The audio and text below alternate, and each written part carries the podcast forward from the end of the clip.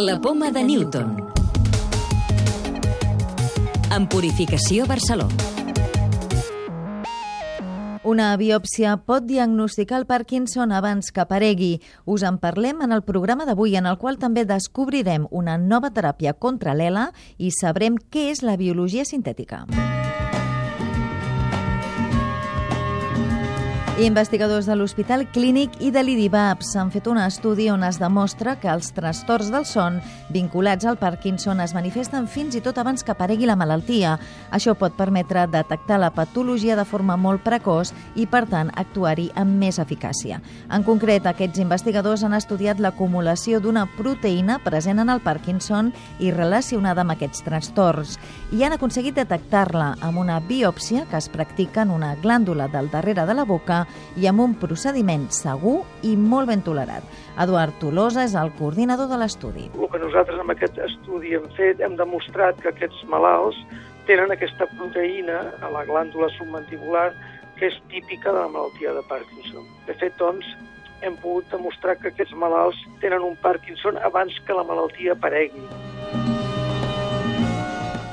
els subjectes que tenen aquest tipus especial de problema de la son, la veritat és que la majoria acaben desenvolupant una malaltia del tipus de la malaltia de Parkinson, al cap de 5, 10 o 15 anys. A la nit tenen malsomnis i aquell malalt doncs, ho viu molt intensament i pot caure del llit, intenta agredir el partner que té al llit, és un, un son molt agitat i agressiu.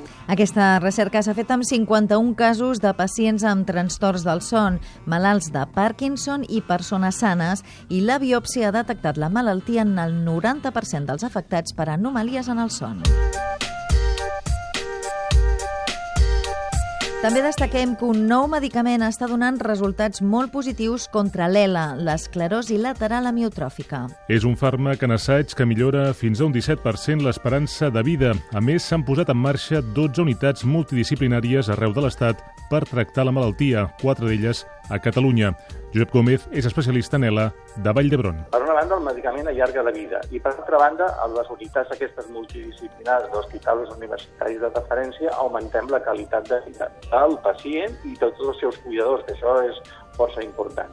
França ha inaugurat la primera carretera solar de tot el món. Es tracta d'una via local a Normandia construïda amb un paviment especial de panells solars molt resistent i que produirà l'electricitat necessària per l'enllumenat subpoble de 5.000 habitants.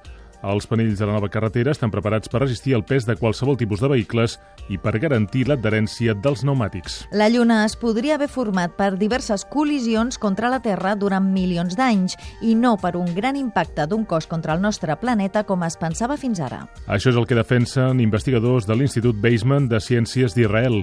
Aquests científics han fet simulacions numèriques de milers d'impactes contra la Terra han comprovat que aquests impactes durant milions d'anys haurien provocat milions de residus que s'haurien acumulat per originar el que ara és el nostre únic satèl·lit natural. La clau de volta.